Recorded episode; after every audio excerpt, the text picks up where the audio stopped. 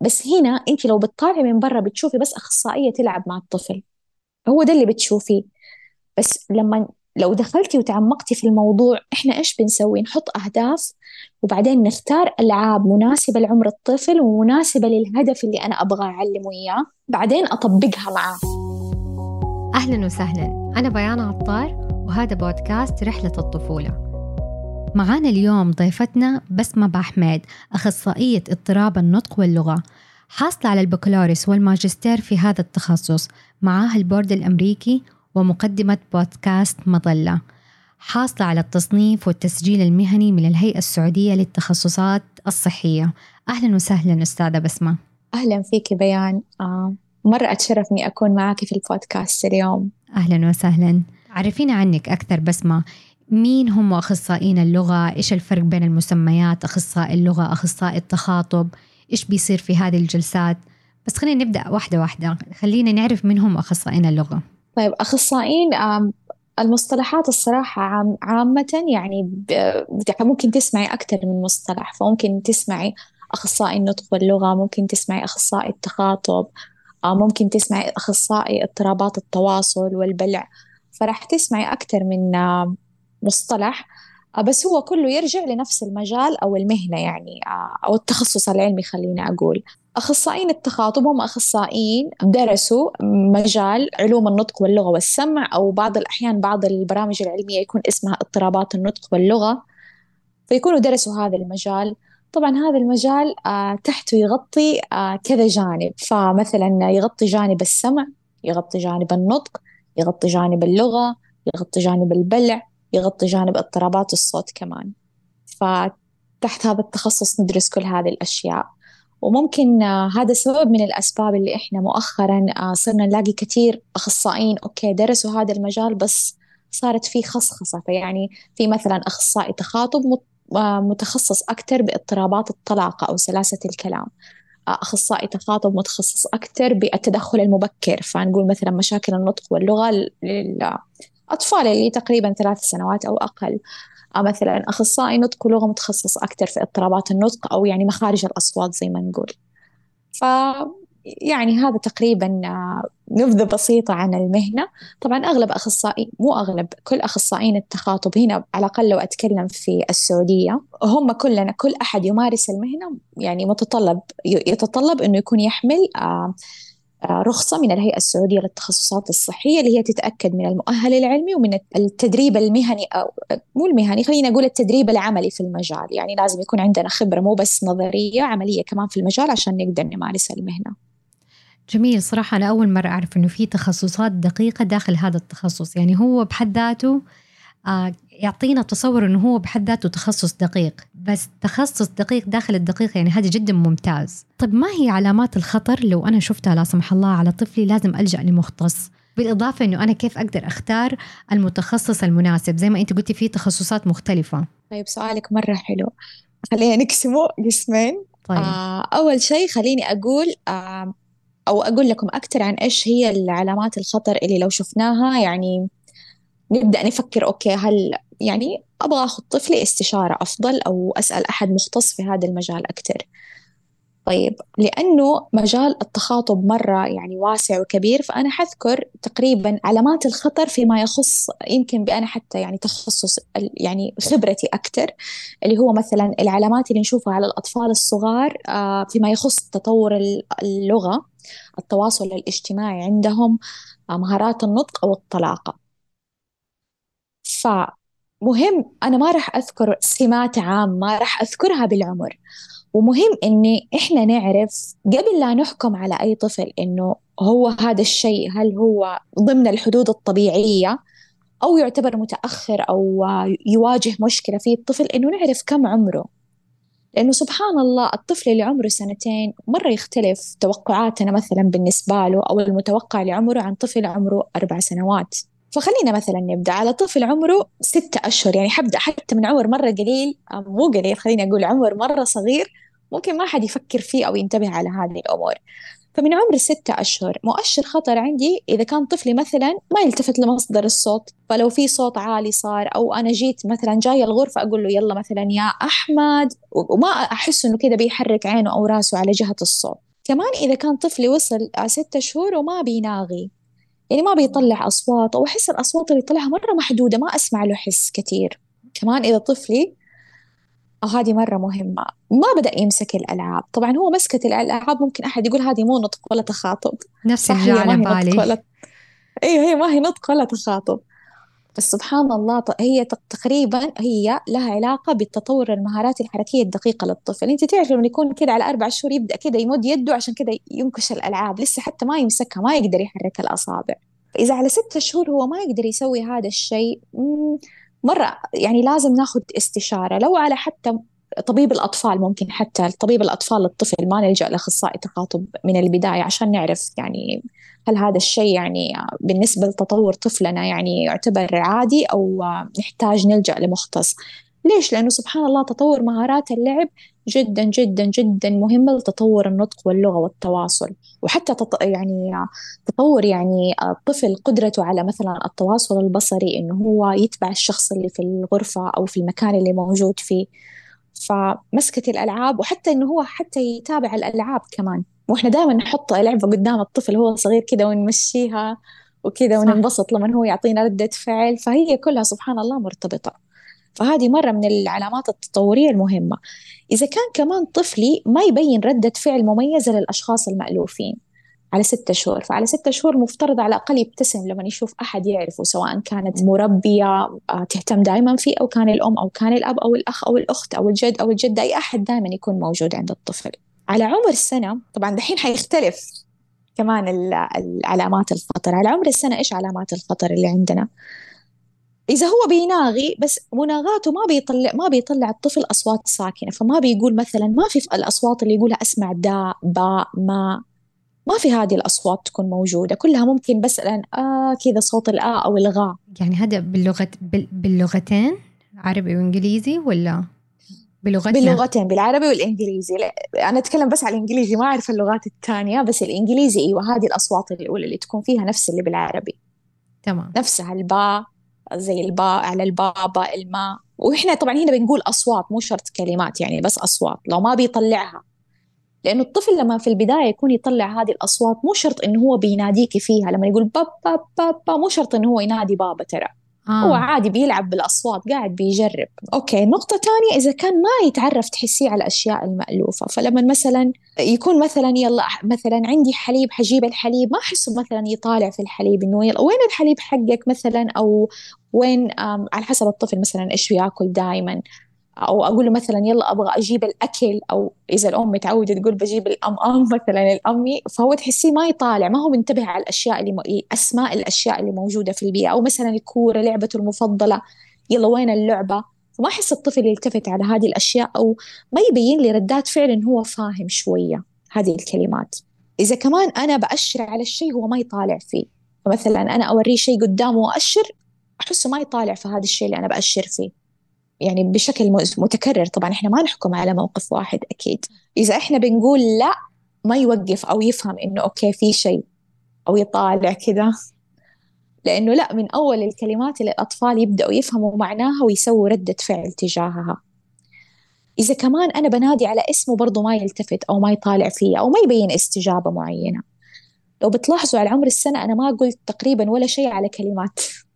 صح. كلها على إيش؟ على أصوات. على مهارات أيوة أصوات أو مهارات فهم استجابة تفاعل كلها على مهارات مرة أساسية لتطور اللغة. والأغلب إنه ما بيلتفت لها. إحنا بس نلتفت okay ما يتكلم. طب إيش قبل الكلام؟ خلينا نرجع على السنة. إيش كان يسوي؟ فهذه الأشياء مرة مهمة إنه الطفل على عمر السنة يبدأ يسويها عشان أحس إنه okay هو في الطريق الصحيح إن شاء الله عشان يبني لغة. بعد كده ويبدأ يتكلم. مرة صراحة ذكرت علامات أول مرة أسمع عنها. أيوة هي مرة مهمة. زي التأشير الطفل بأشر على الشيء هذا إني أنا بأشر على الشيء والطفل يطالع في الشيء ويطالع فيا. هذا هو الأساس لبناء الفهم عند الأطفال يسموه في الأبحاث وكذا الانتباه المشترك. إنه هو الطفل يعرف إنه في مرجع للشيء اللي بتتكلم عنه ماما. فأنا أقدر أنتبه للشيء وأنتبه لها. سواء كانت لعبة سواء كان أكل سواء كان أي حاجة أو سواء كان أخوه أو أحد جاي. فهذا هو المرجع دائما للأطفال إنه okay يبدأوا يربطوا بين الشيء وبين اللغة. مو اللغة يعني الاسم أو الشيء اللي بتقوله ماما هذه الأصوات هذا الاسم آه يعني هذه كلمة. يعني هذه لها معنى مو مي عشوائية. صح. فيبدأ الطفل يفهم هنا يفهم. يعني خليني أقول لك إنه الفهم مرة أساس لتكون اللغة. إنه اللغة سوري التعبيرية. يعني إذا أنا ما أفهم كويس فتعبيري كله حيكون مجرد تقليد أو كده عشوائي. صح. يعني هما بيقولوا شيء أنا بقلده بس. لما أنا أكون فاهم أيوه لما أكون فاهم أنا حبدا أستخدم بنفسي أنا صرت أعرف. جميل. ها يعني هذا حجر الأساس الاستيعاب والفهم. نتأكد إنه موجود عشان نروح لموضوع اللغة. أيوه طبعا الاستيعاب الفهم التفاعل التفاعل. ذات الفعل. التفاعل مرة مهم. آه، نيجي على عمر سنة ونص تقريبا. سنة ونص بالنسبة لي علامه خطر إذا ما بدأ يقول كلمات. يعني ولدي ما يقول ولا كلمة ما ينادي بس ممكن ينادي ماما وبابا. ما يسوي ولا ما ينادي ولا يقول مثلا على الحل لا يسوي على يقول على الحليب مثلا إيب ولا على السيارة يايا ولا على الكورة أوة. ما بيقول. إذا ما بيقول كلمات نعتبرها يعني أفضل تستشير مختص على عمر سنة وستة شهور. مرات تجيني مثلا أم عمر عمر طفلها سنة مثلا وشهرين والله لسه ما أو ثلاثة شهور والله أحسه ما يقول كلمات. أوكي لازم نشيك على المهارات الأخرى نتأكد إنها سليمة. إذا بس ما يقول كلمات نستنى عليه شوية. ونعطي الأهل أكيد إنه إرشادات إيش يسووا معاه كيف يكلموا كيف يحفزوا وممكن هذه نقطة نجي لها بعد كذا لكن عمر سنة وستة شهور أتوقع نحتاج يعني استشارة أفضل يعني ما نستنى أكثر من كذا كمان إذا كان طفلي مو بس ما يتكلم حتى ما يستخدم لغة غير لفظية لأنه إحنا نعرف اللغة لفظية أوكي كلام بس في لغة غير لفظية. والأطفال يبدأوا يستخدموا يبدأوا يأشروا يبدأوا يحركوا يدهم عشان يشرحوا لك آه يشدوكي مثلا يطالعوا فيكي فهذه كلها لغة غير لفظية. إذا طفلي مثلا ما يأشر على الأشياء ما يبدأ يسوي مثلا إشارة باي ما يسوي إشارة لا. على عمر سنة وستة شهور هذه تعتبر علامة خطر. كمان إذا كان ما يستجيب للأشياء البسيطة مثلا أقول وين الملعقة؟ شيء نستخدمه كل يوم. لسه ما يعرف وين الملعقة. طيب مثلا أقول له خذ ارميه في الزبالة حتى لو أشرت أنا على الزبالة لسه ما يسوي يعني وأنت بكرامه ما يسوي هذه الأشياء. آه مثلا أعطي هذا لبابا لسه ما يعني ما, ما يستجيب. فهنا يعتبر مؤشر خطر. كمان أنا حابة على نقطة الاستجابة للتوجيهات حابة أنبه على شيء كثير مرات يكون النظام العائلة أو روتين العائلة أصلا يعني ما بيعطوا الطفل فرصة إنه يسوي دي الأشياء. آه صح. فهنا لازم ننتبه هل هو إحنا معطينه فرصة كفاية وهو لسه مو قادر يتعلم أو يسويها مواجه يواجه فيها صعوبة؟ أو لا. ولدي أصلا إحنا ما نعطيه فرصة فإذا ما نعطيه فرصة هنا يعني لا نحتاج نعطيه فرصة أول بعدين نشوف يكتسب ولا لا. يعني ممكن البعض يعتبر إنه سنة ونص ما هو فترة إعطاء أوامر أو توجيهات. هي بالعكس للأشياء الاستقلالية البسيطة اللي يعرفها الطفل لازم يبدأ يتعلم. مثلا رجع هذا هنا حتى لو تأشري له تأشري له على المكان مو قصدك هو يسوي كل شيء بنفسه لا. فهو يحطه فهو الآن قادر على إنه ينتبه يقلد ويتبع الإشارات ويتبع اللغة. فبالعكس التوجيهات من من هم يبدأوا بسم الله عليهم شوية يتحركوا ويمشوا. نبدأ كده نعطيهم أشياء بسيطة زي حتى مثلا ألعابهم. يلا نلمها نحطها جوا الصندوق. فتلاقي الطفل يحاول يتبع. هو ما راح يسويها كلها أكيد. صح. لكن بس شوي شوي يبدأ الطفل يطورها. على عمر السنتين تقريبا إذا ما بدأ يستخدم جمل حسينا إنه ما في جمل ممكن يعني الصراحة تعتبر مرات مؤشر خطر. أفضل نستشير. إذا كانت العلامات التطورية الثانية كلها سليمة ممكن ننتظر عليه لسنة لسنتين وستة شهور. بس إذا كان ممكن يكون في خلل في الفهم فأفضل من بدري. إذا ما بدأ يكون جمل من كلمتين إنه إحنا يعني نحاول نبحث ونشوف إيش السبب. هل هو مثلا مو فاهم أشياء كثيرة؟ إيش الخلل الموجود بالضبط؟ ما هو تعريف الجملة؟ هل هي مكونة من كلمتين ثلاثة؟ أيوة كلمتين. كلمتين. يعطيك أي جملة يعني يبدأ يربط كلمتين مع بعض. مو لازم يعني جمل صحيحة ولا إنها هي بقواعد يقول لك ماما هنا. أيوة. يقول لك بابا روح. يعني حتى الكلام حت... حتحسيه مكسر هو يعني ما في له ضمائر ما في له ولا شيء. آه. بس هو يط... يبدأ يربط. ممتاز. مثلا يقول لك آه إيوه على عمر سنتين زي كذا هذه الأشياء اللي يبدأ يبدأوا يقولوها. آه مثلا ماما روح آه مثلا باي سيارة باي يايا. عرفتي؟ يعني بس يبدأ يربط الكلمات. هذه الجمل تعريف يعني مو شيء معقد. تمام. على عمر الثلاثة سنوات برضو إذا ما إذا ما عنده جمل مرة يعتبر مؤشر خطر هذا أبدا ما نستنى عليه على ثلاث سنوات. مرة مهم حذكر اللعب مرة ثانية. إذا طفلي عمره ثلاث سنوات بس هو ما بدأ يلعب بشكل تخيلي. يعني مثلا آه، ما يجيب مثلا العروسة ويبدأ يأكلها ويعطيني أكلها. يعني هذه ألعاب الحياة اليومية اللي بيشوفها دائما فيبدأ يمثلها في اللعب. يمشي الحيوانات مثلا يخليهم يشربوا حليب أو يشربوا موية مثلا. إذا ما بدأ هذا النمط من اللعب عند الطفل الأفضل إنه إحنا ناخذ استشارة. خليني أقول لك ليش. في معظم الأحيان ما راح تلاقي طفل لعبه يعني الطفل إذا عنده لعب تطور في اللعب مرة سليم ممكن يكون عنده تأخر في اللغة ترى مو شرط. فيعني يكون لعبه مرة كويس بس عنده تأخر. بس أغلب الأطفال اللي لعبهم متأخر في مشكلة في اللغة تصير. سبحان الله هو يعني لأنه اللعب يعكس تطور الإدراك. صح. الإدراك مرتبط في اللغة فكلهم مرتبطين في بعض. كمان على ثلاث سنوات إذا ما يتبع التوجيهات ثلاث سنوات ترى المفترض على الأقل يتبع توجيه من من من من جزئين يعني. فأقول له مثلا روح غرفتك جيب الشنطة. فغير عن الصغير هذا اللي في نفس المكان لسه توريه الأشياء يتبع أشياء بسيطة في نفس المكان. اللي أكبر يتبع شوية توجيهات. خلاص هو الآن صار مدرك للبيئة اللي هو فيها يعرف أسماء الأشياء المفروض. فيقدر يتبع توجيهات شوية أعلى في المستوى. إذا كنت الطفل عمره أوكي عنده لغة مرة كويسة وكل حاجة عمره ثلاث سنوات بس أنت أكثر من نص كلامه ما أنت فاهمة أصلا إيش يقول. يعني ثلاث أرباع الكلام ضايع ما أنت فاهمة إيش يقول. فهنا ممكن تكون في مشكلة في النطق أو في مخارج الأصوات. إذا كمان بدأ لاحظنا عنده على ثلاث سنوات آه إنه بدأ يكرر الكلمات يكرر بعض الأصوات لما يقولها. فمثلا يقول أنا أ أ أ أ أبغى زي كده فهنا ممكن آه قد تكون إشارة من إشارة يعني آه سمة من سمات التلاعثم أو اضطراب في سلاسة الكلام فالأفضل إنه برضو إحنا نتدخل يعني أو نشوف إيش المشكلة كيف ممكن إحنا يعني نحتويها بالطريقة السليمة في ذا العمر. ما راح أطول عليكم بس حذكر في أربع سنوات. أربع سنوات إذا بدأ الطفل ما يربط بين الجمل فيعني ما يقول لك أنا رحت وأكلت مثلا آه بطاطس. فيبدأ يربط بين الجمل فحتسمعي مو بس جمل مفردة شوية يبدأ يكون في ربط. إذا برضو إحنا ما نفهم كلامه على أربع سنوات إذا ما بد ما يفهم بدأ في الضمائر إنه أنا وإنتي. وحقي وحقك. هنا الضمائر لازم شوية على الأقل المتكلم والمخاطب تكون موجودة. طب المؤنث والمذكر؟ المؤنث والمذكر بحر دحين حجيكي.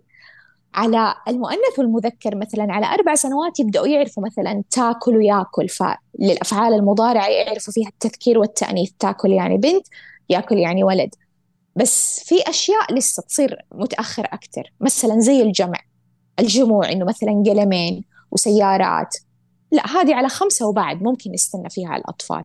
بس على عمر تقريبا أربع سنوات يبدأوا يفهموا أنا وإنتي حقي وحقك عيني وعينك يفهموا. لما تقولي وين عيني؟ على طول يأشر عليكي ما يأشر على نفسه المفترض.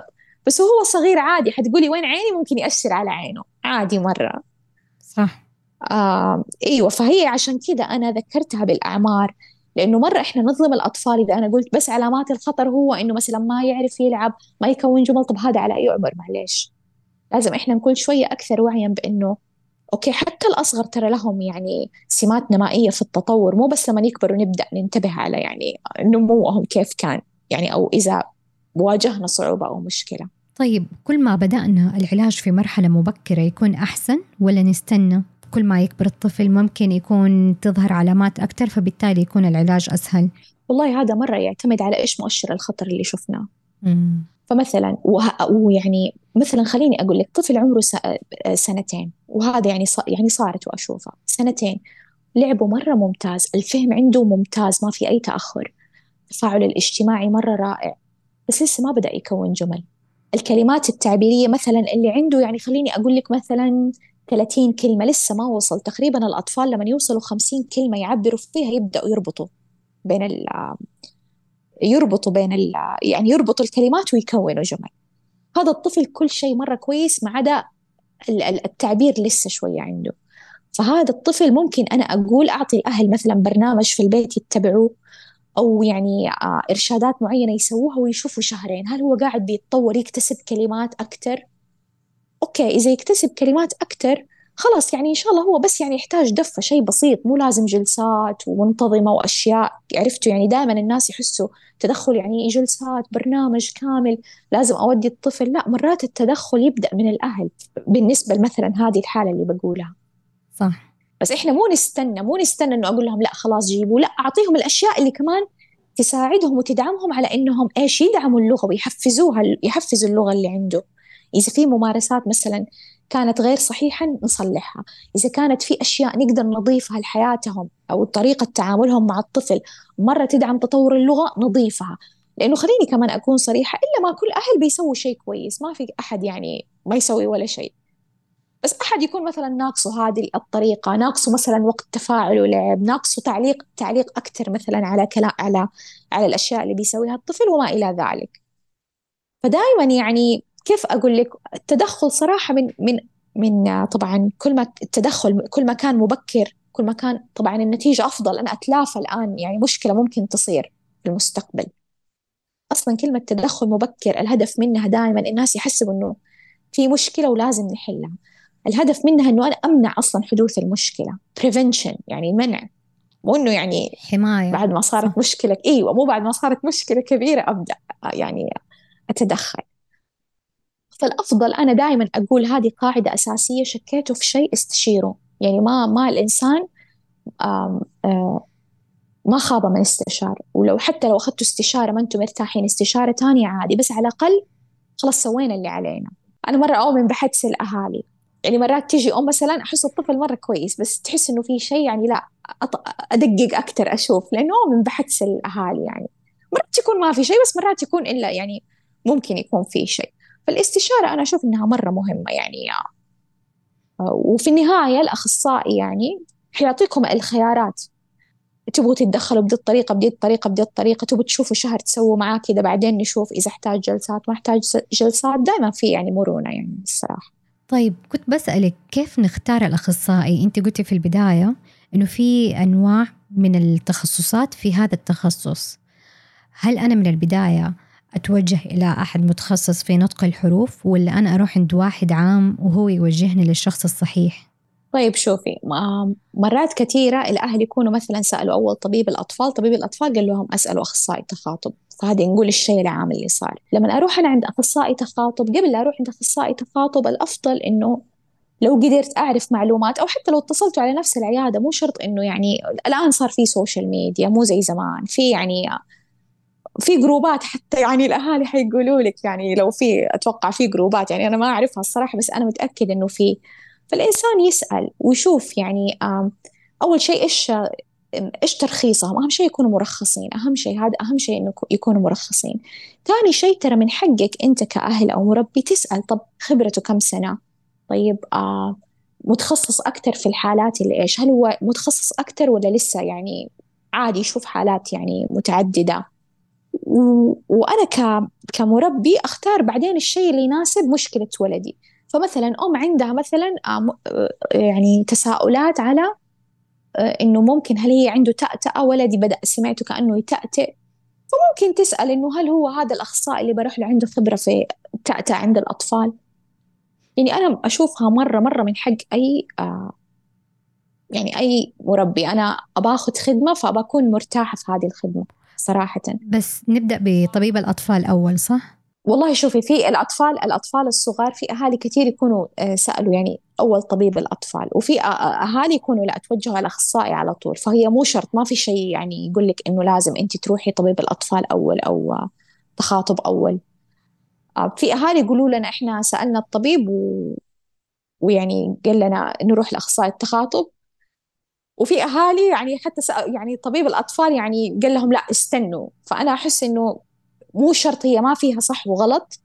هي فيها أكثر إنه إذا أنا حسيت في مشكلة في التخاطب عادي أبحث عن أخصائي التخاطب وأشوف الأخصائي اللي أنا أرتا يعني أسأل عنه إنه هو مرخص ويقدر يفيدني في أيوه بخبرته يقدر يفيدني. لأنه مثلا في ناس مختصين باضطرابات التخاطب للكبار مو للصغار. فأنا إذا عندي طفل حروح لأحد مختص في الأطفال. إذا شخص كبير يعني هذه لها طبعا مجال ثاني اضطرابات التخاطب للأشخاص الكبار. حروح عند شخص مختص في هذا الشيء برضه طيب الآن عندنا فضول. ماذا يحدث في جلسة التخاطب العلاجية؟ قولي إيش ما يصير. يعني طيب. هل هي مثلا حصة لتعليم اللغة لتعليم مخارج الحروف زي القاعدة النورانية مثلا آ إي أو أو ما نعرف يعني.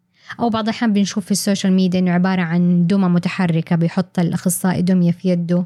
خليني أقول لك. طب إحنا حنتكلم عن الجلسات العلاجية فلنفترض إنه الطفل خلاص تم تقييمه وخلاص اتفقنا على الخطة مع الأهل لأنه دائما الخطة يعني العلاجية الناجحة لازم بشراكة مع الأهل.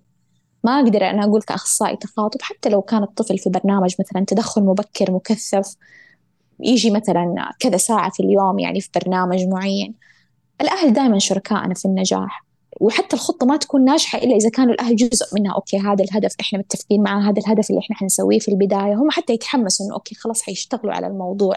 وتحسي إنك معاهم خطوة بخطوة أنتوا في نفس الصفحة أنتوا الاثنين مع بعض. طيب فإيش يصير في الجلسة نفسها؟ يعني طبعا هي مرة حتختلف باختلاف إيش الاضطراب اللي عندي بس خليني أقول لك النقاط الأساسية اللي بشكل عام. آه، وأنا أتكلم الآن على الأطفال ما أتكلم على الأشخاص الكبار. يعني خلينا نقول إلين خمسة يعني ستة سنوات يعني الأطفال اللي أصغر في العمر خليني أقول.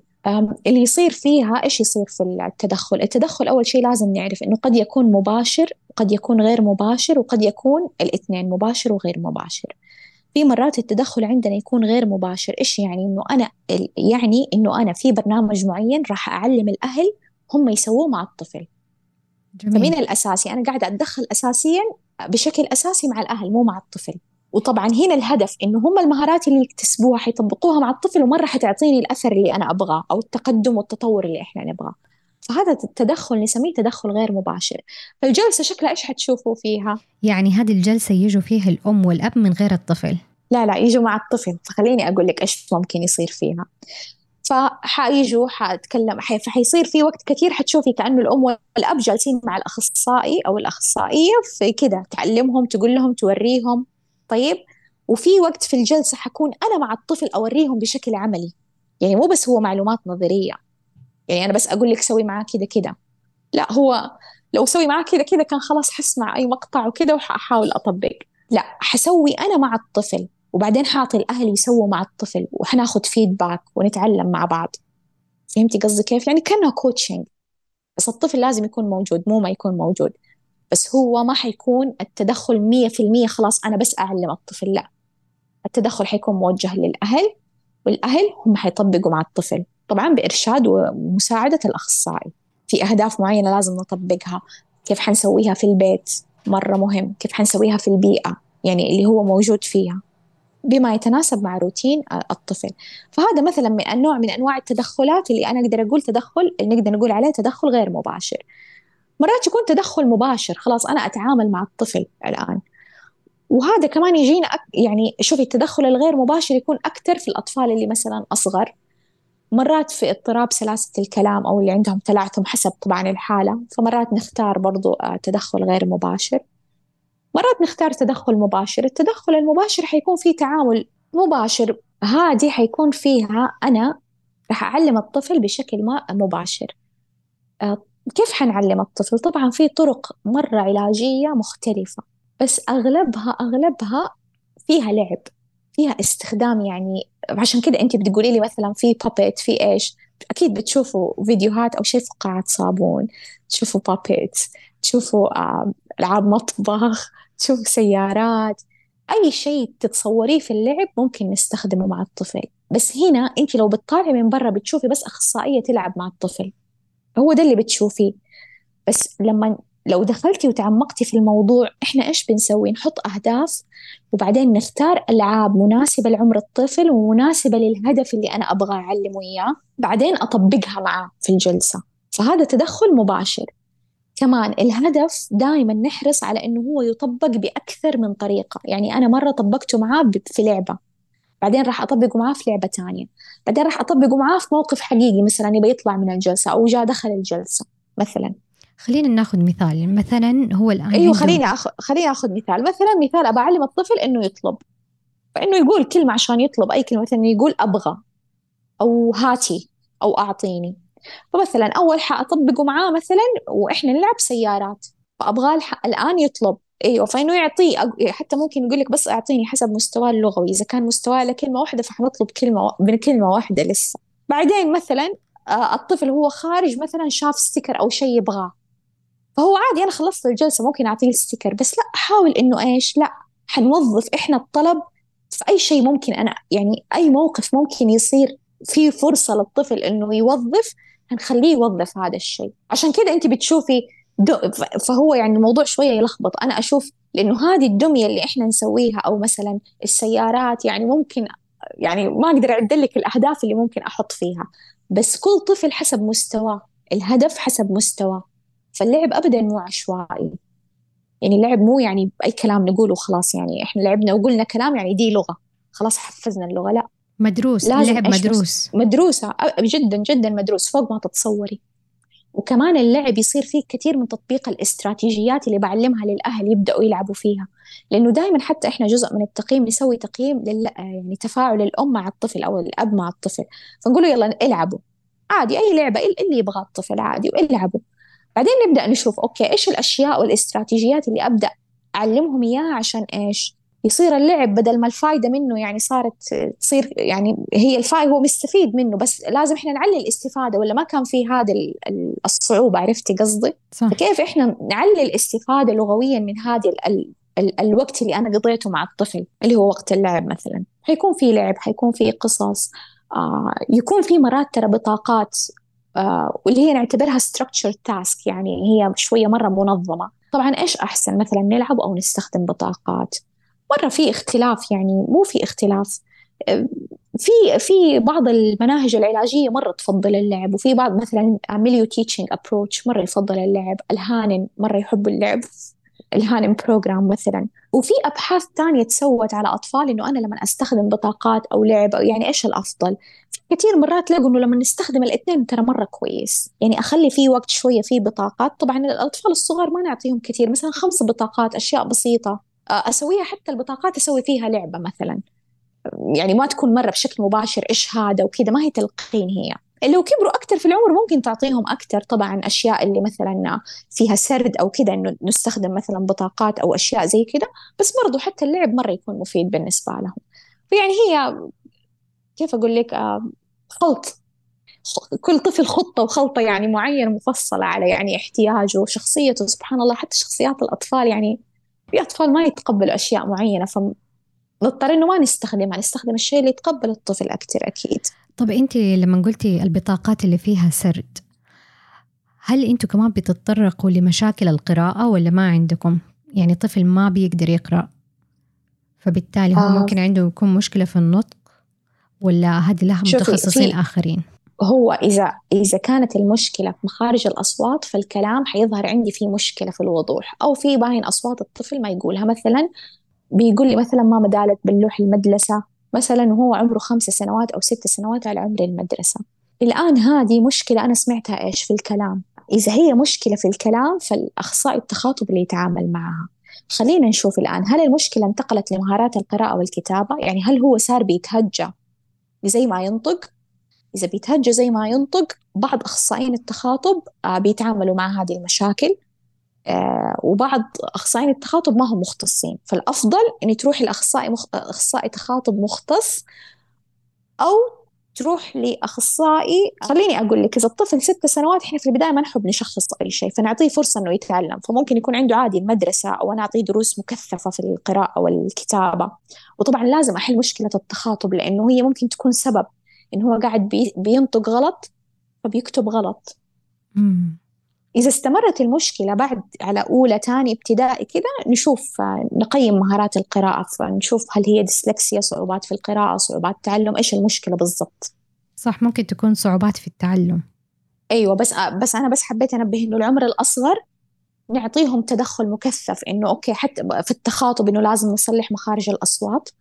وكمان في موضوع القراءة والكتابة لازم أكثف له. أشوفه قاعد يتعلم يمشي معي إذا تعلم يمشي معي خلاص الحمد لله. يعني ما نحكم كذا بسرعة. إذا لا حسينا لا استمرت الصعوبة فممكن الآن يعني نشوف إذا هل في تشخيص آخر هل في صعوبة أخرى موجودة أو لا. طب الآن بعد كورونا كثير من الأنشطة صار في منها خيار الأونلاين عن بعد. وفي جلسات تخاطب علاجية للأطفال عن بعد. بوجهة نظرك هذه الجلسات مناسبة للأطفال عن بعد ولا لا؟ أيوة طبعا كورونا فتحت مرة الباب لهذا الموضوع. شوفي هو علميا علميا وجدوا إنه الفائدة من الجلسات اللي بتصير حضورية أو عن بعد مثلا لاضطرابات سلاسة الكلام أو التلعثم هي نفسها ما في فرق. للتدخل المبكر هي نفسها ما في فرق. لإضطرابات اللغة هي نفسها ما في فرق. فإنه الفائدة المرجوة أو الأهداف اللي أنا بحققها أقدر أحققها أونلاين وأقدر أحققها حضوري ما في فرق. لكن خليني أقول لك على إيش يتطلب مني عشان أنا تصير الجلسة الأونلاين هذه ناجحة.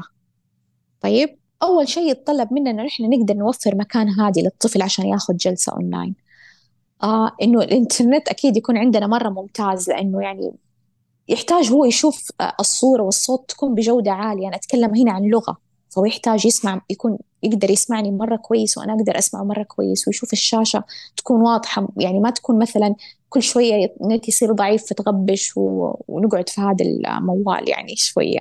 يحتاج يشوف حركة كمان الشفايف. إيوه يحتاج يشوفها عشان كذا يعني. وهو ترى على حسب الاضطراب ترى. آه صح. كمان يحتاج إنه الطفل يقدر ترى يجلس وينتبه على الشاشة. يعني هذا مرة مهم. إذا طفلي ما يقدر يجلس وينتبه على الشاشة كيف حنسوي الجلسة اونلاين طيب فهنا حيجينا السؤال مرة مهم. طب كيف في التدخل المبكر؟ قالوا إنه فعالة. طب حق التدخل المبكر هذول أبو سنتين ما يقعد أكيد. كيف يعني أونلاين؟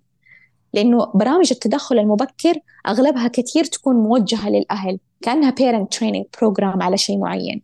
فممكن ما يتطلب إنه الطفل يجلس كثير فأنا حأعلم الأهل حوريهم بعدين حقول لهم يلا سووه مع الطفل. فيجيب الطفل ممكن الوقت المعين اللي نقدر نسوي فيه النشاط وأوريهم وأوجه لهم التوجيهات. فعرفتي قصدي ف... فيكون فيها ممكن عشان كده صارت إنها فعالة. بس هو الطفل الصغير صح ما يقدر يجلس. بس مثلا أبى أسوي مثلا تدخل لمخارج الأصوات. طفل عمره أربع سنوات. إذا ما يقدر يجلس مدة الجلسة ممكن ما نقدر نسويها اونلاين الحقيقة يعني. أو شخص مثلا عنده أو طفل عنده فرط حركة. وتشتت أيوه إذا كان في اضطراب نمائي. اضطراب نمائي آخر مصاحب لاضطراب اللغة للمشكلة اللغوية. ما هي بس مشكلة لغوية بحتة. إيوه هنا لازم نشوف آه ما أتوقع إنه ممكن تنفع لكل طفل. طيب بما إننا بنتكلم على موضوع الجلسات عن بعد آه هنا خطر لي موضوع الشاشة التعامل مع الشاشة مثلا تلفزيون آيباد جوال. مدى تأثير ما يعرض على الشاشة من أفلام كرتون أغاني أناشيد للأطفال؟ هل في تأثير سواء إيجابي أو سلبي على اللغة؟ أبغى أبدأ بأن هي هذا الموضوع مرة سلاح ذو حدين فهو يعتمد أنا كيف أستخدمه. بس خليني أقول الأطفال اللي أقل من عمر سنتين ما نستخدم الشاشات الأفضل. يعني أقل من عمر سنتين هو في هذا العمر قاعد يبني مهارات تواصل اجتماعي. فالأفضل إنه يقضي وقته في إنه أنا أشوف ناس أتواصل معاهم في أخ في أخذ وعطى معاهم سواء كان بلغة أو حتى بلغة غير لفظية لو كان ما يتكلم الطفل لسه.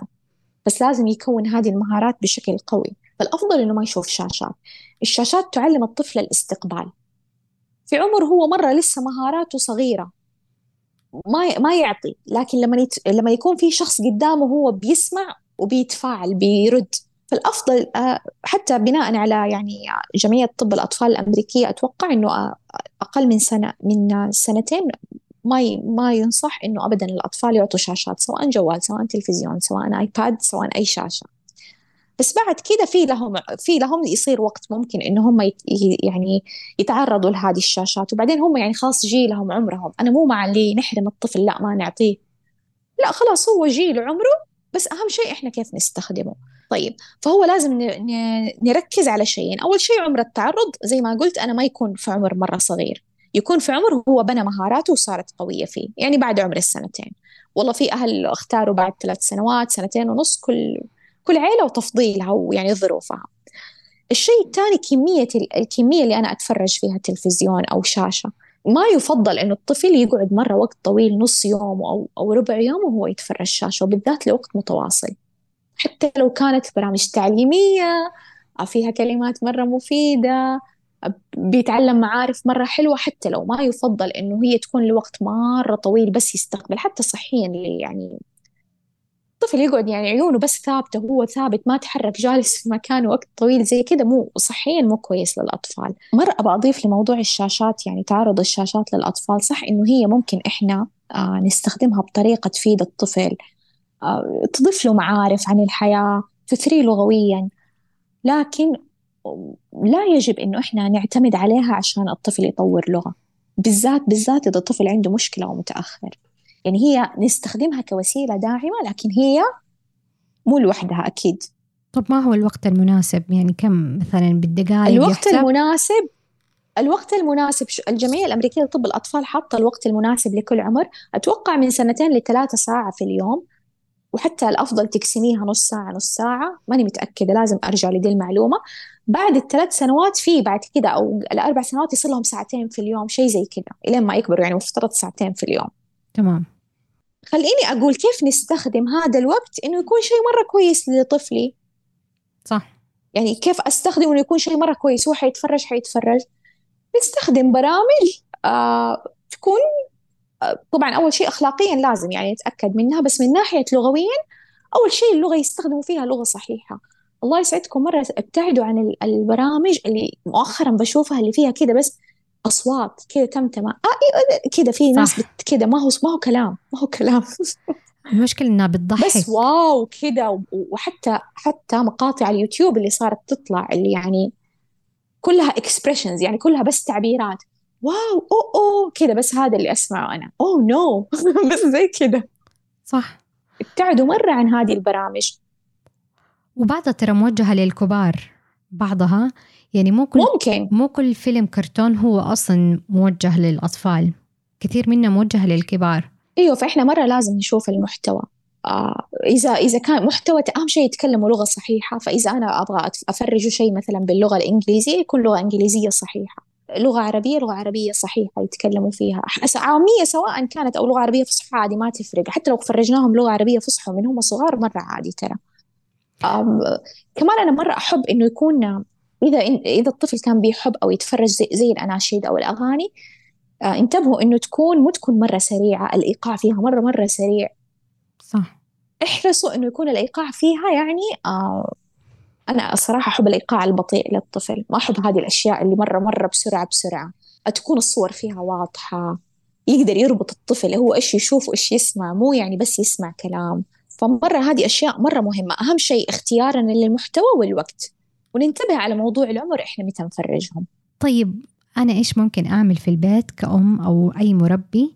إنه هو يحمي طفله من الوقوع في هذه الأخطاء أو الوصول إلى مرحلة آه، تأخر اللغة وتأخر النطق. يعني من باب الوقاية خير من العلاج. طيب أول شيء ويمكن أنا كمان ذكرتها في أول نقطة لما قلت آه، مؤشرات الخطر أنا ربطتها بالعمر بعمر الطفل. مرة مهم إحنا ك أهل إنه نعرف إيش المتوقع للتطور في كل مرحلة عمرية تقريبا. يعني نكون على اطلاع في قوائم نمائية مرة كثيرة. منها يعني مثلا قائمة نمائية من من السي دي سي مترجمة بالعربي آه، اللي هي حق الوقاية من الأمراض. يعني شيء هو باللغة الإنجليزية. هذا CDC موقع أمريكي. بس حتى في له قوائم نمائية نفسها القائمة النمائية مترجمة للعربي في باللغات مرة كثير اللي يبغى. فنطلع يعني من مصدر كده موثوق نختار مصدر موثوق. نطلع بس يعني والله طفلي دحين عمره كذا إيش متوقع؟ مو لازم ناخذها بألف با يعني واحد زائد واحد بس تكون عندنا فكرة تقريبا إنه okay متوقع في هذا العمر إنه يسوي كذا كذا. ما سوى بعض الأشياء أوكي خليني أراقب خليني أعطيه فرص خليني أشوف. لأنه مرات إحنا مثلا تجينا يجينا أهالي العيادة مثلا طب هل هو يسوي كده؟ تقول لي مثلا والله ما أعرف ما لاحظت. فإحنا لما يكون عندنا اطلاع بإنه أو معرفة لو يعني بسيطة بتطور الطفل كيف ممكن يكون أو إيش الأشياء اللي ممكن يسويها في كل مرحلة عمرية يصير هنا نوسع مداركنا شوية ونقدر نلاحظ بشكل يعني أفضل. ونعرف طفلنا كمان بشكل أفضل. أهم أهم الأشياء اللي يعني نسويها مع الطفل تحميه من من وهو صغير من يعني تأخر اللغة أو تكون يعني كصمام أمان. إذا هو تطور يعني وضعه الصحي سليم إنه إحنا نتكلم من معاه من هو صغير. أكيد حنقول كيف نتكلم معاه؟ نتكلم معاه يعني عادي إحنا نعلق على الأشياء اللي بنسويها وإحنا معاه ما نسويها على الصامت. حتى هو عمره شهرين ثلاثة شهور. ترى هو من هذا العمر وقبل وهو ترى قاعد دماغه يبدأ يفهم النظام الصوتي للغتنا للغة اللي اللغة الأم اللي ماما تستخدمها أو بابا بيستخدمها. وسبحان الله لقوا إنه الأطفال من عمر صغير هذه حتى في دراسة ترى لو أنت كلمتي تكلمت أنا بالعربي بعدين في أحد يكلمه بلغة تانية خليني يقول إنجليزي دماغه من هو صغير يبدأ يميز إنه هذا نظام صوتي ترى مختلف عن اللغة الثانية يعني ما يشوفهم لغة واحدة يشوفهم مختلفين. لسه هو ما يعرف الاختلاف بشكل يعني مية في المية بس يبدأ الدماغ آه، يكتسب معلومات عن أوكي النظام الصوتي لهذه اللغة كيف؟ كيف الأصوات فيها تتكون؟ إيش الكلمات اللي فيها؟ والنظام الصوتي لهذه اللغة كيف؟ إيش الأصوات اللي فيها؟ وإيش الكلمات اللي فيها؟ عشان كده مرة مهم نتكلم من عمر مرة صغير. كيف نتكلم؟ نتكلم بجمل بسيطة يعني أنا الطفل ما راح أقول له كلام كثير حقول له يلا حنشرب الحليب. حقول له مثلا أوه أنت جوعان. حقول له مثلا وقت النوم خلاص هدوء. وسبحان الله إحنا لما نتكلم لاحظتي أنا وكيف أنا لما أقول الأمثلة؟ سبحان الله بدون ما أحس على طول غيرت نبرة صوتي. حتى تعابير وجهي أنا متأكدة لو تقدروا تشوفوني حتشوفوها تغيرت. وهذا سبحان الله فطرة إنه إحنا لما نتكلم نتكلم بطريقة تجذب الطفل. فمرة مهم إنه إحنا زي كده ننوع في نبرة صوتنا نغير تعابير وجهنا عشان نجذب الطفل. وفي الأبحاث يقولوا لها مذريز يسموها يعني مذريز ما أعرف إيش ترجمتها بالعربي. لكن هي سبحان الله يطلقوا عليها إنه هذه الطريقة اللي تكلمها اللي الأم تتكلم فيها الطفل بطريقة فطرية. ولقاها سبحان الله موجودة في كل الأمهات في كل اللغات. يعني كل اللغات بغض النظر إيش هي اللغة الأمهات يستخدموا هذه الطريقة في الكلام مع الطفل. لأنها مرة تجذبه وتساعده في تطوير اللغة واكتسابها. كمان مرة مهم إنه إحنا جملنا ما تكون مكسرة. يعني هي بسيطة لكن هي ما هي مكسرة. يعني أنا ما قلت له يلا اشرب حليب يلا حنشرب الحليب. فأنا ما حذفت التعريف ما حذفت آه، آه، مثلا الضمائر اللي تكون مثلا في الفعل للمستقبل أو للمضارع أو للماضي. فنتكلم بدون ما يعني نحذف الضمائر أو حروف الجر. مثلا في كثير تسمعي لين عمر السنوات الأم تقول لي تقول لي الطفل دف كرسي دف الكرسي. ليش؟ عشان يبدأ الطفل هو حتى لو ما يعرف يقول كده عشان يبدأ هو يسمعها يسمعها يسمعها بعدين يكتسبها ويبدأ يقولها. لأنه في النهاية الطفل ياخذ كلام البالغ كنموذج إنه هو يبي يتطور عشان يصير زي كلام البالغ. أو بعضهم يدلعوا الكلام. والله أيوة تتو تتو, تتو أم أم كل حاجة. لكن خليني أقول لك ترى عادي إنك أنت تستخدمي تتو أم أم. لكن تتو أم أم مو لوحدها. تتو يلا تعال تتو اجلس لو سمحت. يلا نجلس لازم يسمع الكلمة الصحيحة. مرة مرة مهم. ترى ما في مشكلة إنه إحنا نستخدم شوية أصوات مع الأطفال بالذات الأصوات البيئية مرة يحبوها الأطفال. يعني مين في ما طفل يحب مياو مياو؟ كل الأطفال يحبوا مياو مياو وبيب بيب على السيارة. لكن مهم إنه إحنا نقول بيب بيب سيارة ونقول مثلا مياو مياو شوف بسة أو قطوة أو قطة. صح. ما نستغني. وهذه سبحان الله إيوه ما نستغني. وهذه حتشوفي أثرها متى ما نحسه هم صغار. لكن لما يكبر الطفل يجي ثلاث سنوات تقولي له توريه مثلا في صور وسائل مواصلات تقولي له وين القطار؟ ما يعرف. تقولي وين توت توت يعرف. مم. طيب هو يعرف توت توت هو طول حياته بينقل له توت توت لو قلنا له قطار راح يعرف قطار. صح. وهذا مرة مهم للإثراء اللغوي. يعني ترى لغة الطفل على قد ما تعطيه أنت. صح. مرات مرات تطورهم كذا تحسيه وتحسي مثلا في أطفال سبحان الله تلاقيهم على خمس سنوات ما شاء الله إيش المفردات حتى اللي عندهم. يقول لك مفردة حتى نقول إحنا ما شاء الله إيش دي الفلسفة؟ يعني تسمع طفل تقولي ما شاء الله إيش دي الكلمات اللي يقولها. وطفل تاني طبيعي تطوره. مو إنه مو طبيعي عادي مرة كويس. بس هو لغته يعني الأشياء الوظيفية اللي يستخدمها اللي يعرفها بس اللي اللي يقدر يمشي فيها حياته بس. فهنا يبان الفرق سبحان الله. وطبعا الإثراء اللغوي مرة مهم لأنه مرة يدعم أكاديميا بعدين في مرحلة الدراسة. عشان كذا إحنا يعني كل ما أثرينا الأطفال هم صغار كل ما كان يعني أكاديميا كانوا يعني إن شاء الله يعني في الطريق السليم كان أسهل عليهم. كان آه كانوا قادرين كمان على اكتساب المعارف الجديدة اللي حياخدوها بعدين. فمرة عادي زي ما قلت عادي إنه نستخدم الأصوات بس يعني أهم شيء نقرنها بالكلمات الصحيحة. مرة مهم والأطفال صغار لما نتكلم على شيء نأشر عليه أو نوريهم إياه. سبحان الله حتى في الأبحاث لقوا إنه الأمهات اللي أشروا بالإصبع على الأشياء اللي يتكلموا عليها سواء في قراءة القصة سواء في اللعب مفردات الأطفال كانت مرة أحسن من الأمهات اللي تسوي يعني زي ال control group أمهات ما يعني كانوا عادي ما يأشروا. في أمهات كانوا دائما يأشروا بالإصبع. أي شيء أشوفه دائما وأتكلم فيه مع الطفل أأشر عليه.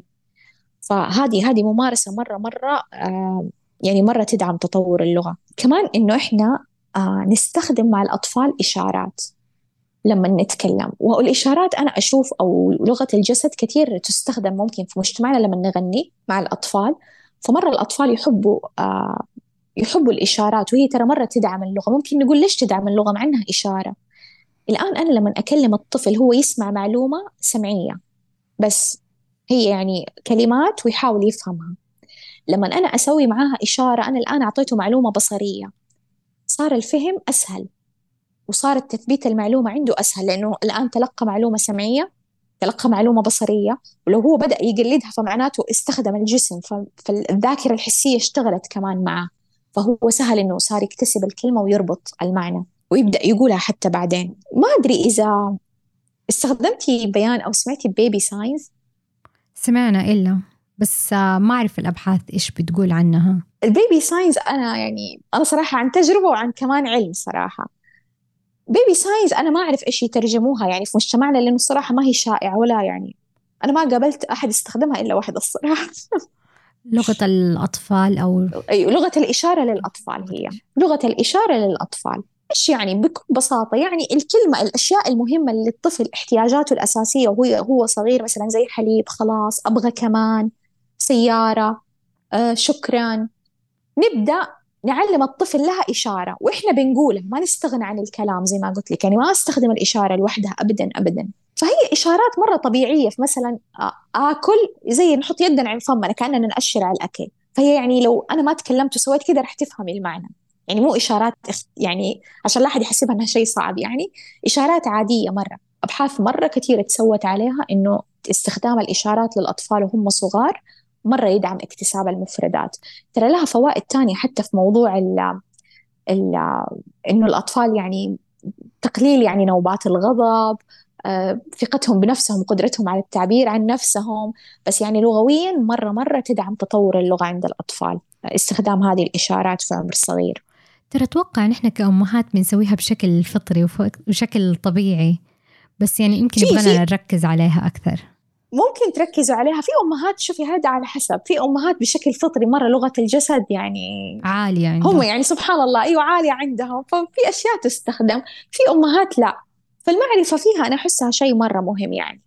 آه للأسف ما أقدر ادلكم على مصدر عربي يعني ما أعرف مصدر عربي فيها بس لو كتبتوا بيبي ساينس بالإنجليزي في مرة كثير فيديوهات توريكم كيف تسوي الإشارات مع الأطفال. يعني مرة إشارات بسيطة يعني حتى لو بدأت بإشارتين ثلاثة للطفل.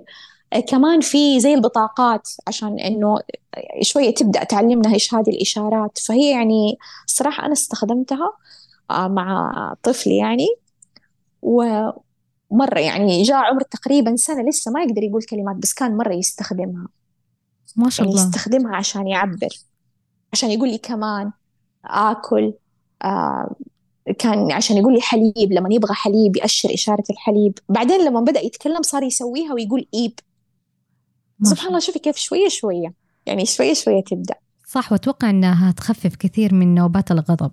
ممكن بالذات إذا الطفل إدراكيا ترى الأطفال اللي إدراكيا يكون ما شاء الله يعني خلاص فاهمين أشياء كثيرة بس لسه لغة يعني القدرة على التعبير خلينا نقول اللغة التعبيرية لسه ما طلعت.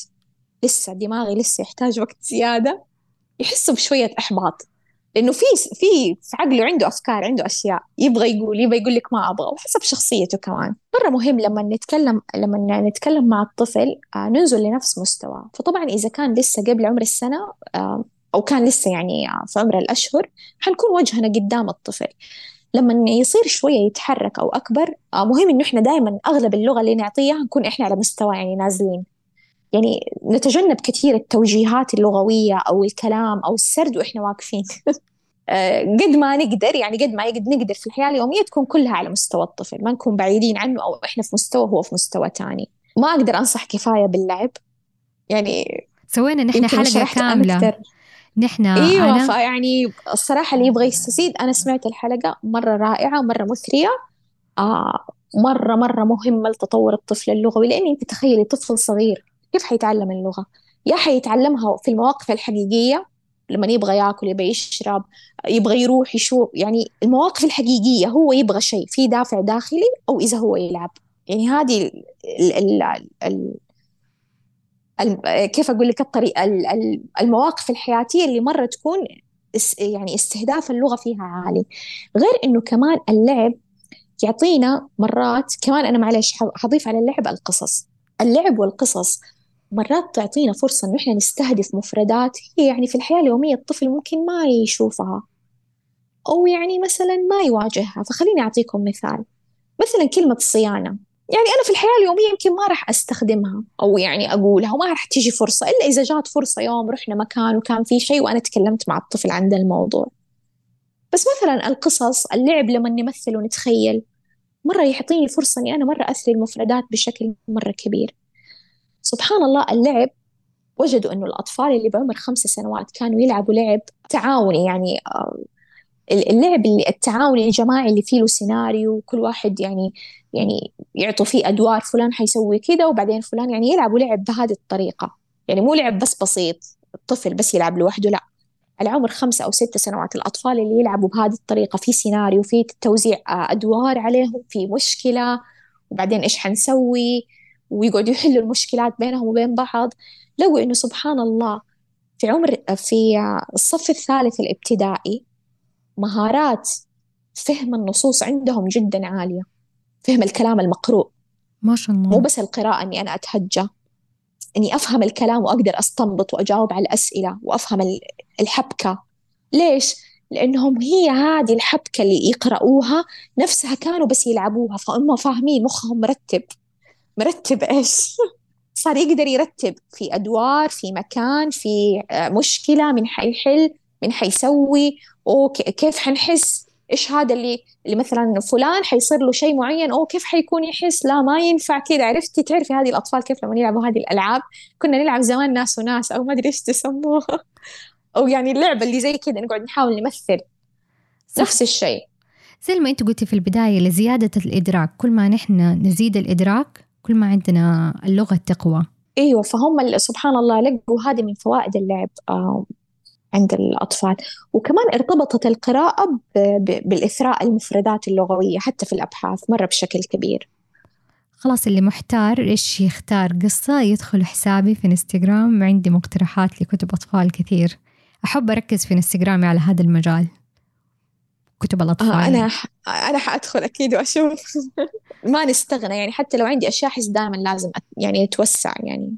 سبحان الله طيب بسمة موضوع تعليم اللغتين مع بعض العربي والإنجليزي سبق أني أنا عملت عنه حلقة الحلقة الأولى اللي هي متعدد اللغات بس برضو حابة يعني أشوف وجهة نظرك تعليم لغتين في نفس الوقت هل ممكن يؤدي إلى تأخر في اللغة؟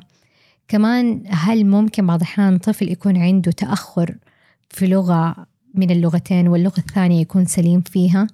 لأني أنا بشوفها كثير هنا في كندا إنه البعض ممكن يكون عنده تأخر في العربي لكن في الإنجليزي جدا ممتاز.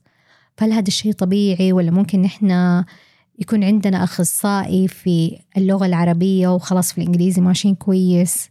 طيب خليني أول أجاوب على الجزء الأول من السؤال اللي هو التعرض لأكثر من لغة في نفس الوقت لما نعلم الطفل هو ما يسبب تأخر لغوي. إذا أنا علمت الطفل لغتين في نفس الوقت.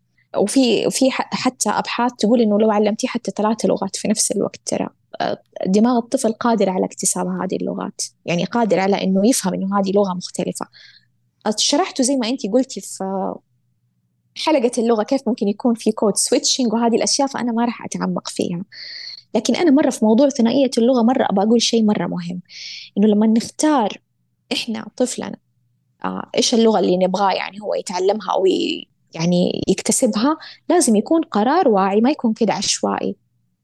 صح. ليش؟ آه إيوه لازم يكون قرار واعي. أنا عارفة إذا اخترت إنه أنا من البداية مثلا أبغى أعلمه مو اللغة الأم لغة ثانية مختلفة لازم أعرف إيش تبعات هذا القرار.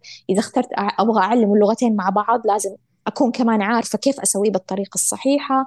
إذا أنا اخترت أعلمه لغة واحدة في البداية برضو لازم أعرف إذا أبغى أختار بعدين لغة ثانية أضيفها على اللغة الأولى برضو إيش التبعات. فأهم شيء القرار يكون واعي. طيب لازم ناخذ لما نعلم الطفل لغتين في نفس الوقت نقطتين مرة مرة مهمة. أول شيء كمية اللغة اللي يتعرض لها الطفل طيب ونوعية اللغة. إيش يعني؟ يعني لو أنا أبغى أعلمه لغتين في نفس الوقت لو واحدة كميتها أكثر من الثانية هي حتصير الأقوى.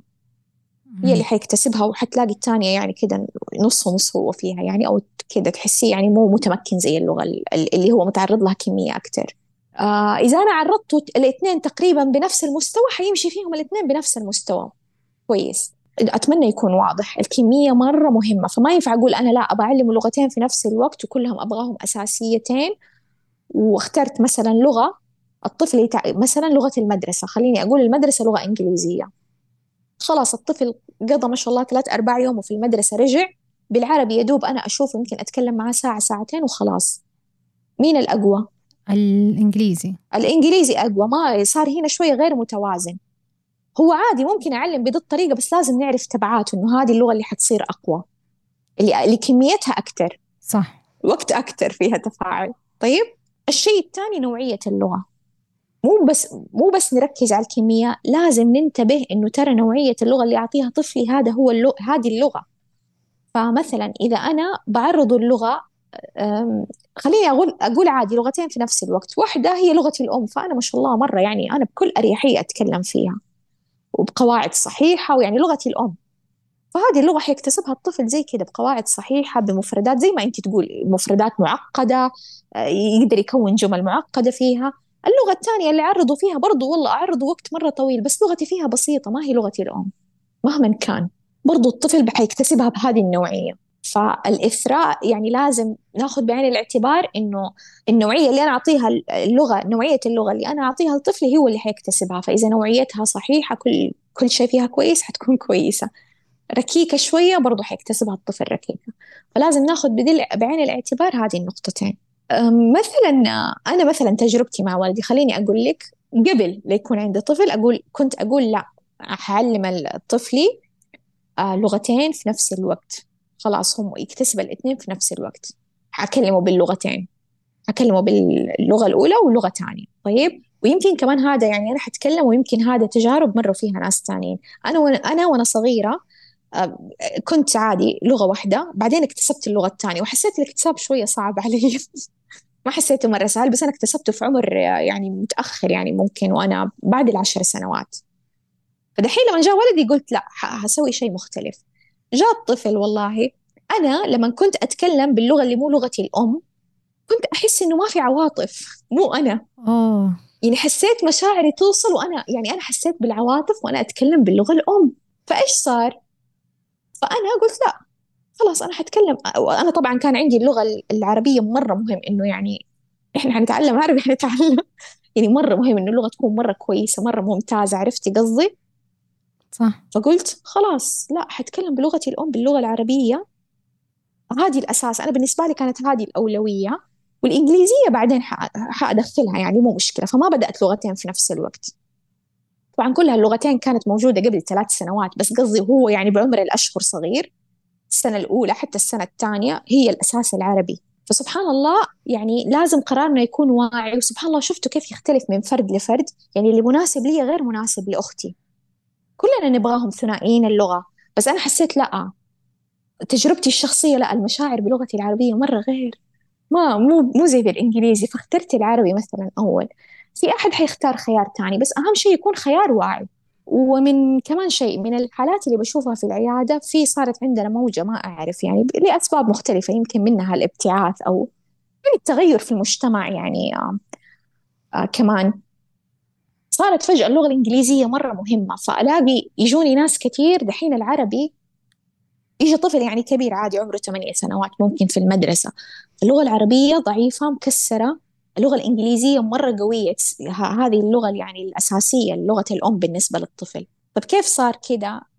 إنه مثلا والطفل وهو صغير كان الإنجليزي مرة مهم وخلاص العربي يعني مو إنه إحنا ما نبغاها هي كده بس اتنست أو كده ما أدري كيف صارت يعني مو أساسية أو يعني ما يسمعها الطفل كثير فهو تمكن من الإنجليزي كبر. المجتمع اللي حواليه كله أصحابه يعرف إنجليزي نتكلم إنجليزي عادي. فدحين تبي تدخلي قوانين ولغة لغة جديدة. وما هي سهلة أبدا ما هي سهلة اللغة العربية. مقارنة ترى بالإنجليزي ما أعرف اللغات الثانية بس بالإنجليزي أبدا القواعد النحوية مرة صعبة بالنسبة للإنجليزي. فصار يعني تحدي خلاص ما يبغى يتكلم عربي. هو ما يبغى عشان ما في حل يتعلم ترى. صح. مو عشان هو يعني ما يبي يتكلم عربي. فعشان كذا أنا والأهل حرام يقولوا لك والله ما قصد أنا ما أدري كيف صار كذا وفجأة يعني تحسي في غمضه عين صار الموضوع عرفتي؟ صح. فأنا أقول مرة مهم الناس اللي لسه أطفالهم صغار أو كذا مرة مهم تاخذوا قرار واعي تكونوا عارفين لو بدأنا لغة ثانية ممكن العربي ما صار فيه تركيز على العربي ممكن العربي بعدين يصير كأنه يعني عرفتي يصير كأننا إحنا يعني هي هي هي يعني مثلا واحدة من الأمهات تقول لي والله ما أقدر كأننا يعني ما إحنا يعني إحنا إحنا أهل ال... إحنا العرب إحنا أهل القرآن هي تقول يعني. هو أيوة كده حيصير. ممكن كده يصير إذا العربي يعني ما صار فيه تركيز. وكمان في عوائل يعني حتى جاتني عوائل يكون في نص العائلة نصها مثلا لا لغتهم النيتف إنجليزية أصلا. آه. والنص الثاني عرفت يعني أصلا نفس العائلة في كده. فهنا بالعكس نعطي الطفل بالعكس كل اللغتين بس أهم شيء نتأكد إنه هو يتعرض لتفاعل مستمر بالإثنين. مو إحنا طول الوقت خلاص صارت العائلتين كلها إنجليزي لأنه إحنا بالراحة إحنا العرب حنكون نعرف إنجليزي. فيصير يعني أهل الأم مثلا إنجليزي وأهل الأب إنجليزي طب وين العربي؟ يضيع شوية. صح. فيصير على الأقل لا نحافظ على بيئة أنها هي تكون عربية فيها تفاعل عربي الأطفال مع بعض يتكلموا عربي. آه كمان من التحديات اللي تقول لك إنه كل اللي حواليه طب أصحابه يتكلموا إنجليزي أنا ما إيش أسوي طيب؟ فيعني إحنا كمجتمع نتكاتف في هذا الموضوع يعني إنه يتعرض الطفل الأطفال الاثنين ياخذوا فرصهم بالاثنين. ومرة مثري لهم أكيد اللغتين مثرية لهم. طيب أستاذة بسمة شكرا جزيلا على قبول الاستضافة. مرة استمتعنا معاكي وأنا من متابعين بودكاست مظلة. مظلة بودكاستك متخصص أكثر يعني نحن هنا في رحلة الطفولة بنركز على الأطفال بشكل عام بس الجميل عندك إنك أنت كل حلقاتك متعلقة بالنطق. فأنصح متابعين إنهم هم يسمعوا الحلقات حقتك وأشكرك مرة ثانية إنك أنت جيتي عندنا. ولو ولو مرة يشرفني يشرفني بيان ومرة أتمنى لك كل كل التوفيق. إن شاء الله. نشوفك على خير. في نهاية الحلقة شاركونا أسئلتكم ومقترحاتكم على مواقع التواصل الاجتماعي. وانتظرونا قريباً.